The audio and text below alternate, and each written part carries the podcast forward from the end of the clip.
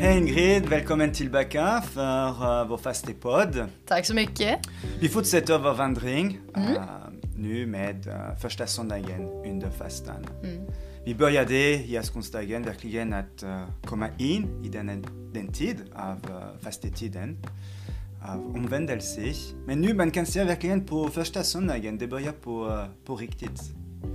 Uh, vi i katolska kyrkan går uh, till öknen med Jesus Kristus, ledd av den helige Ande och med honom kommer vi att uh, frestas av djävulen som, som vi läser i Lukas evangeliet.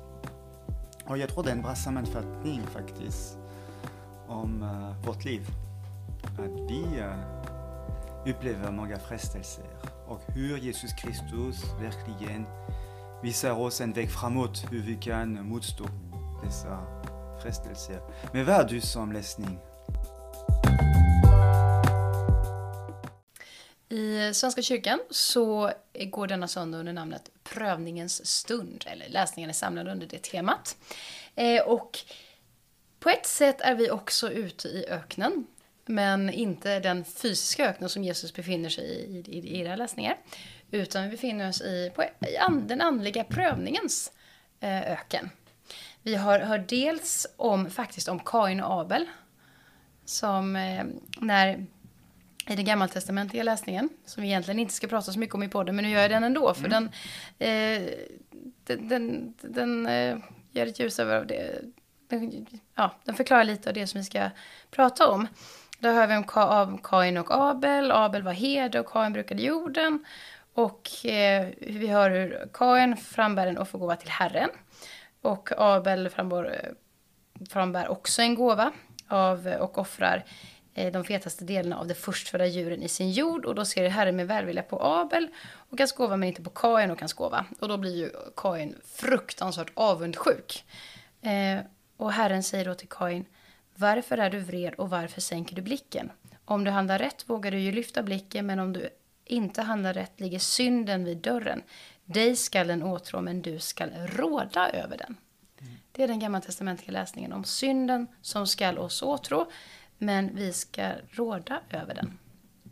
Och när vi kommer in i evangeliet så befinner vi oss i Matteus evangeliets 16 kapitel. Och vi är inne i den del eh, då först Petrus kallar Jesus för Messias. Det är en fantastisk stund och eh, det är då som Petrus också får sitt namn. Att han kallas Petrus är klippan på den som vilken Kristus ska bygga hela sin kyrka.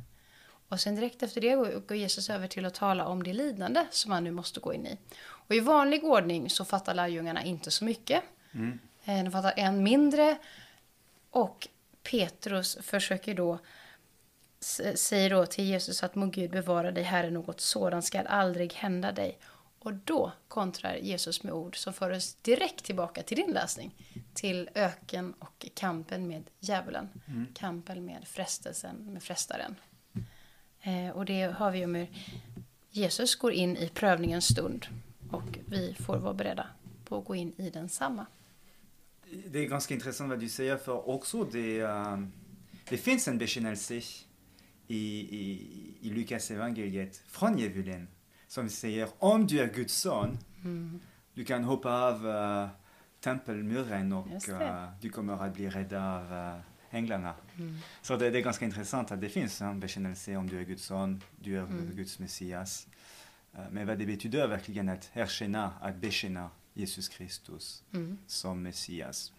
Vad du gjorde i början att också börja i första testamentet, i gamla testamentet, tror jag det var viktigt. Uh. Och för vår läsning också, vad, vad händer här med um, i Lukas evangeliet kapitel 4? Jag tror den första vers som, in, som verkligen leder oss till öknen. Jesus återvände från Jordan uppfylld av helig ande och ledd av anden. Han var 40 dagar ute i öknen. Mm.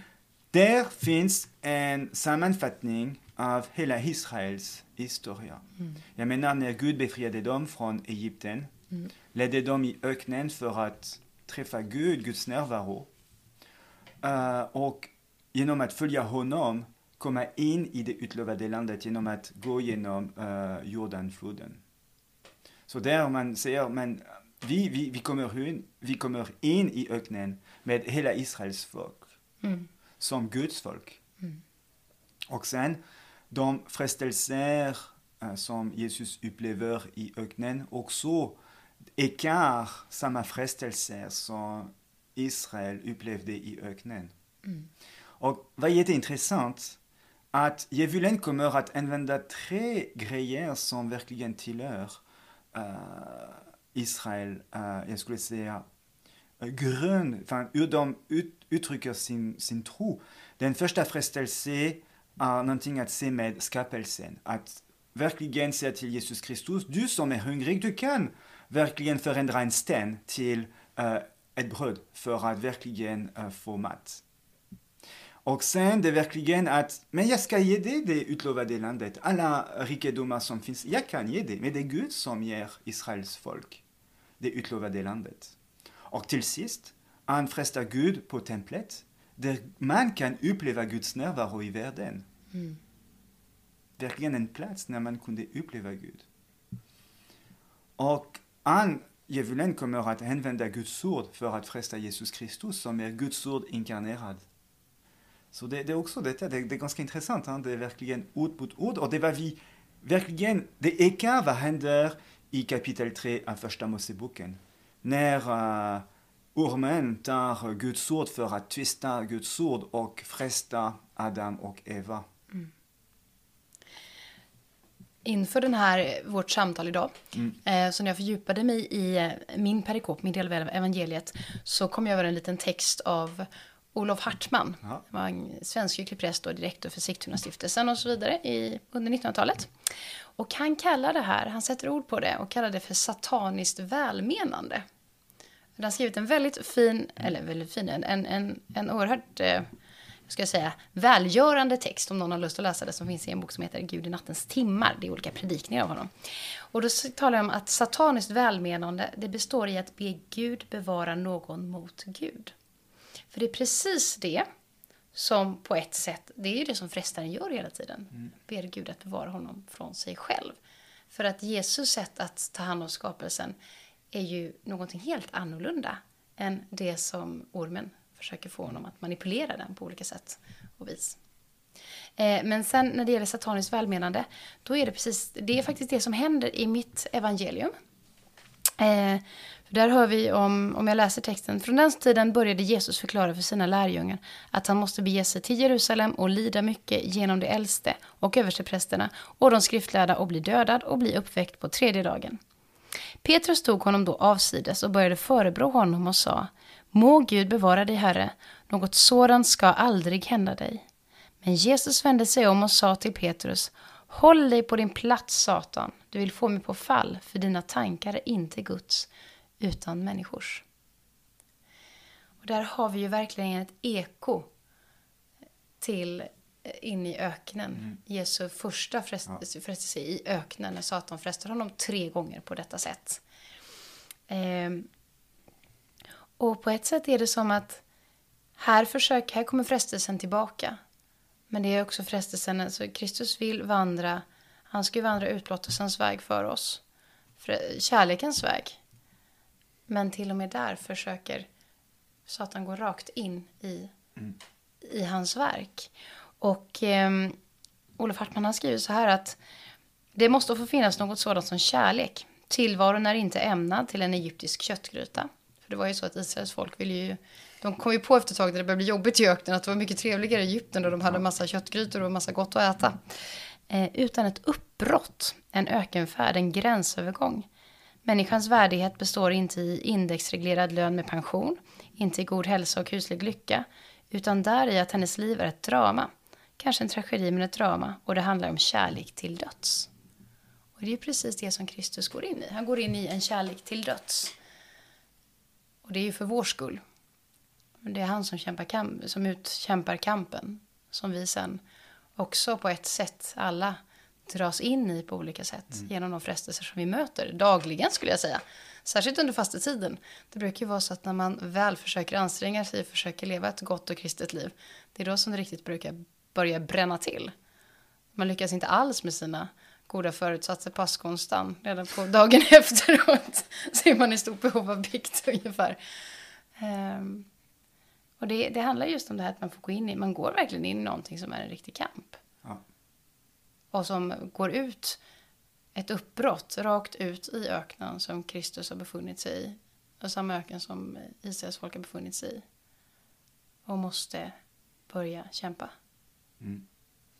Men också det, det är på grund av uh, vi har svårt att lämna det gamla. Mm. Att uh, även om vi vet att det var inte så bra, att vi lydde, att det var, vi drabbade av detta.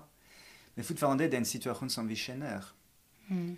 Och att gå i det okända, att säga att Gud kommer att leda mig och visa mig någonting som är nytt. Mm. Är som, någonting som jag inte kontrollerar än.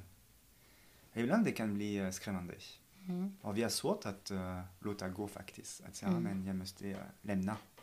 Mm. Um, och därför, därför, för min del, uh, när jag läser första testamentet, jag, jag, jag gillar den pedagogik som finns hos Gud. Uh. Och jag, jag, jag, jag, jag, jag går ofta tillbaka till uh, första Moseboken kapitel 12 när han kallade Abraham. Vad vi översätter på svenska, lämna ditt land, lämna din släkt, lämna... Faktiskt, jag gillar ordet på hebreiska, lär lära. Lämna Mm. dig själv. Den första grejen man måste lämna för att kunna lämna allt och följa Gud och lyssna på Gud, det är sig själv först. Mm. Lär lära. Uh, och uh, att öppna, att öppna ett rum för Gud i oss. Mm. Jag tror det är verkligen där uh, djävulen misslyckades i, i Lukas evangeliet. Han Jesus Kristus, för han trodde han var det sant, hein? man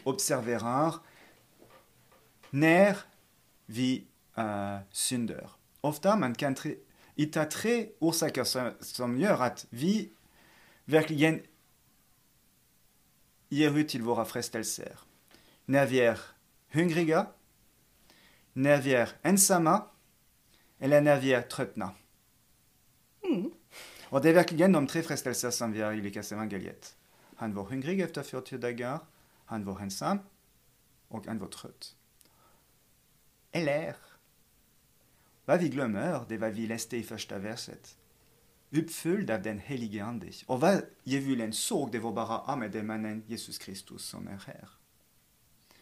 Men Jesus Kristus var inte ensam i öknen. Han, Guds son, men han var med den helige Ande. Och när man läser tillbaka i, i, i, i, i första testamentet, i gamla testamentet, i andra Moseboken, uh, fjärde Moseboken och sen när, när Mose återberättar i femte Moseboken. Det han sa till Israel, men ni glömde hela tiden att det var Gud som öppnade en väg för er. Mm. Ni trodde ah, vi måste bara räkna med vår, våra egna styrkor, men nej, det var inte sant. Gud var med er hela tiden. När kommer ni att bli att lita på Gud? Mm. Och ofta vi, vi, vi, vi ger in i våra frestelser på grund av att vi inte litar på Gud. Vi tror att det är inte bara jag, vad ska jag göra? Det är inte bara vi. Mm. Om vi tar på allvar vår tro, och de flesta av oss är redan döpta, vi är uppfyllda av den helige Ande. Och det är synd att man vill inte använda också några gåvor som vi har fått mm. under dopet och konfirmationen. Mm. Um, men vad är jätteintressant också, det är hur Jesus Kristus svarar. Alla svar kommer från femte Moseboken. Och det kommer mellan vad vi har i våra biblar, kapitel 6 och kapitel 8. Alla svar från Jesus Kristus kommer från Mm. uh, kapitel 6 och kapitel 8. Så vad är det intressant? Det är att se hur kapitel 6 börjar och hur kapitel 8 uh, avslutar. Så man läser i uh, femte Moseboken kapitel 6, vers 3, så verkligen i början. Du ska lyssna Israel och följa dem troget, så Mose pratar om alla regler och budskap de har fått på Sinaiberget. Du ska lyssna Israel och följa dem troget, så att det går det väl och ni blir mycket talrika. så som Herren dina fäders Gud har lovat dig, ett land som flödar av mjölk och honung. Så om vi följer Guds ord, om vi verkligen litar på Gud, vi kommer att lyckas. Och samtidigt, han varnar Israel i slutet av kapitel 8 genom att säga Men om du glömmer Herren din Gud och följer andra gudar, tjänar och tillber dem, då försäkrar jag er idag att ni skall förintas. Liksom det folk Herren förintar åt er skall även ni förintas, därför att ni inte lyssnar till Herren er Gud. Det var vi såg i Första Moseboken kapitel 3 när Adam och Eva lyssnade på någon annan än Gud. Mm. Och när man läser i hela Första Testamentet, varje gång det finns frestelser, ofta det är på grund av att de, tror bättre, de vet bättre än Gud vad är bäst för dem och de lyssnar på någon annan. Det är precis det som går, kommer igen också i, i mitt evangelium mm. idag. När Jesus tillrättavisar Petrus. På ett sätt så är det ju så att det är Petrus först som faller för frestelsen och sen vill få, genom det fallet vill få Jesus att falla, mm. falla eh, också med honom. Eh, för det säger han att du vill ju få mig... Då, Jesus genomskådar ju sig att det är Satan som verkar, men säger att du vill få mig på fall. För dina tankar är inte Guds utan människors. Det är alltså att lyssna till människor istället för att lyssna mm. till Gud. Det är det, det drama som utspelar sig. Det är det som Petrus ägnar sig åt. Han har inte riktigt... Han vet, den helige ande, alldeles nyss har han lyssnat till helige ande, men sen plötsligt lyssnar han till sitt eget till människors tankar till det som vill dra Kristus bort från uppdraget. Ja. Och jag tror det är en fråga som Jesus ställer sina lärjungar. Vem säger att jag är? Vem säger ni att jag mm. är? Det är verkligen en fråga som ställs åt oss hela mm. tiden. Vem är Jesus Kristus för oss? Mm. Och ska vi lyssna på honom och genom att lära känna honom upptäcka vem han är för mm. oss? Eller lyssnar vi på andra människor? Mm. Och vi, vi finns hein, mm. i, i mellan dessa två uh, sätt att agera. Mm. Är, är min kunskap, jag gillar inte ordet, men är min erfarenhet av Gud kommer från andra folk? Eller är det någonting som jag vill verkligen det kommer från källan själv? Gud, mm. Jesus Kristus, den helige Ande. Mm. Och visst, det går genom folk. Men man måste också komma fram uh, källan själv.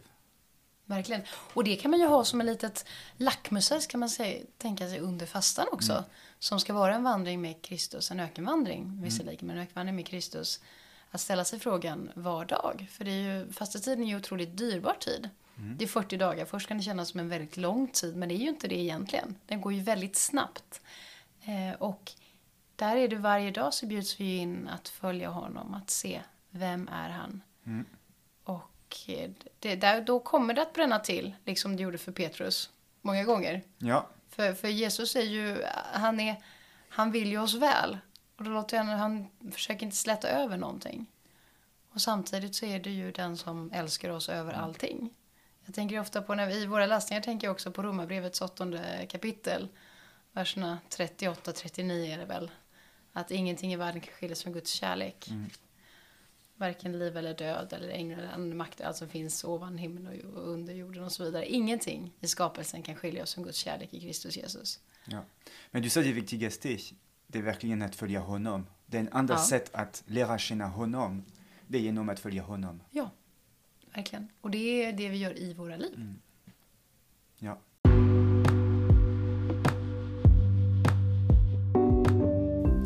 Men amen till detta, Ingrid. Tack så mycket Tack själv. Och vi ses uh, nästa söndag. Ännu längre ut i öknen. Hej.